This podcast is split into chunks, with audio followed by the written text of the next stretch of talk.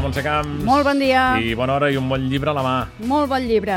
Es diu L'acabadora, d'acabar, del verb acabar. D'acabar, molt bé. No d'enterrar ningú. Ah, exacte.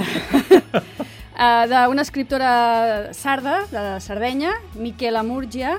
És un llibre que no és novetat, jo mm, intento sempre portar-vos novetats. En aquest cas és d'aquest any, però és del mes de maig. El va editar Proa en català i Salamandra en castellà.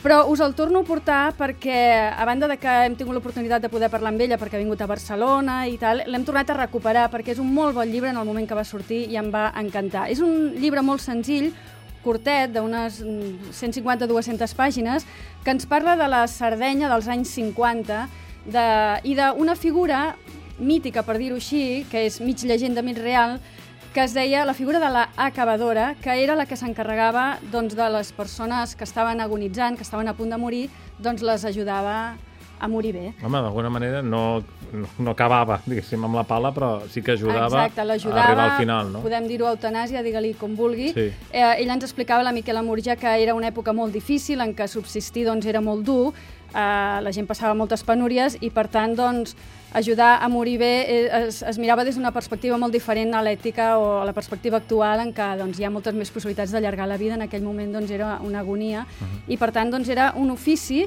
que ja et dic, eh, no, no està escrit que existís però que la tradició oral diu que sí, que existia aquestes dones, majoritàriament eren dones que ajudaven a, a, a morir bé, per dir-ho així, i que eren molt respectades per la societat. La Miquela Murgia explica aquesta història a través d'una noia que la seva mare és precisament una acabadora, quan ho descobreix doncs, la, la rebutja una mica, se'n va de Sardenya, se'n va a Itàlia, però al final torna perquè descobreix que la seva mare doncs, té un ofici que està acceptat socialment i ella també l'accepta. Una molt bona novel·la, molt senzilla de llegir, molt planera, gairebé com una poesia, i que crec que val, us el volia recomanar molt no, especialment. És que ara ven aquests dies de pont, doncs escolta, que no sabeu què fer, llegiu La cavadora eh, de, de Michel Amurguia, que és, diguéssim, el contraposat al que seria quan naixem, no? la llevadora. Ah, exacte, la cavadora. Eh, en definitiva diu, ens han d'ajudar a néixer, però també ens han d'ajudar a morir. Que no sigui la mateixa, eh? La, la llevadora i al final la cavadora. Home, sí. és difícil. Matí i tarda.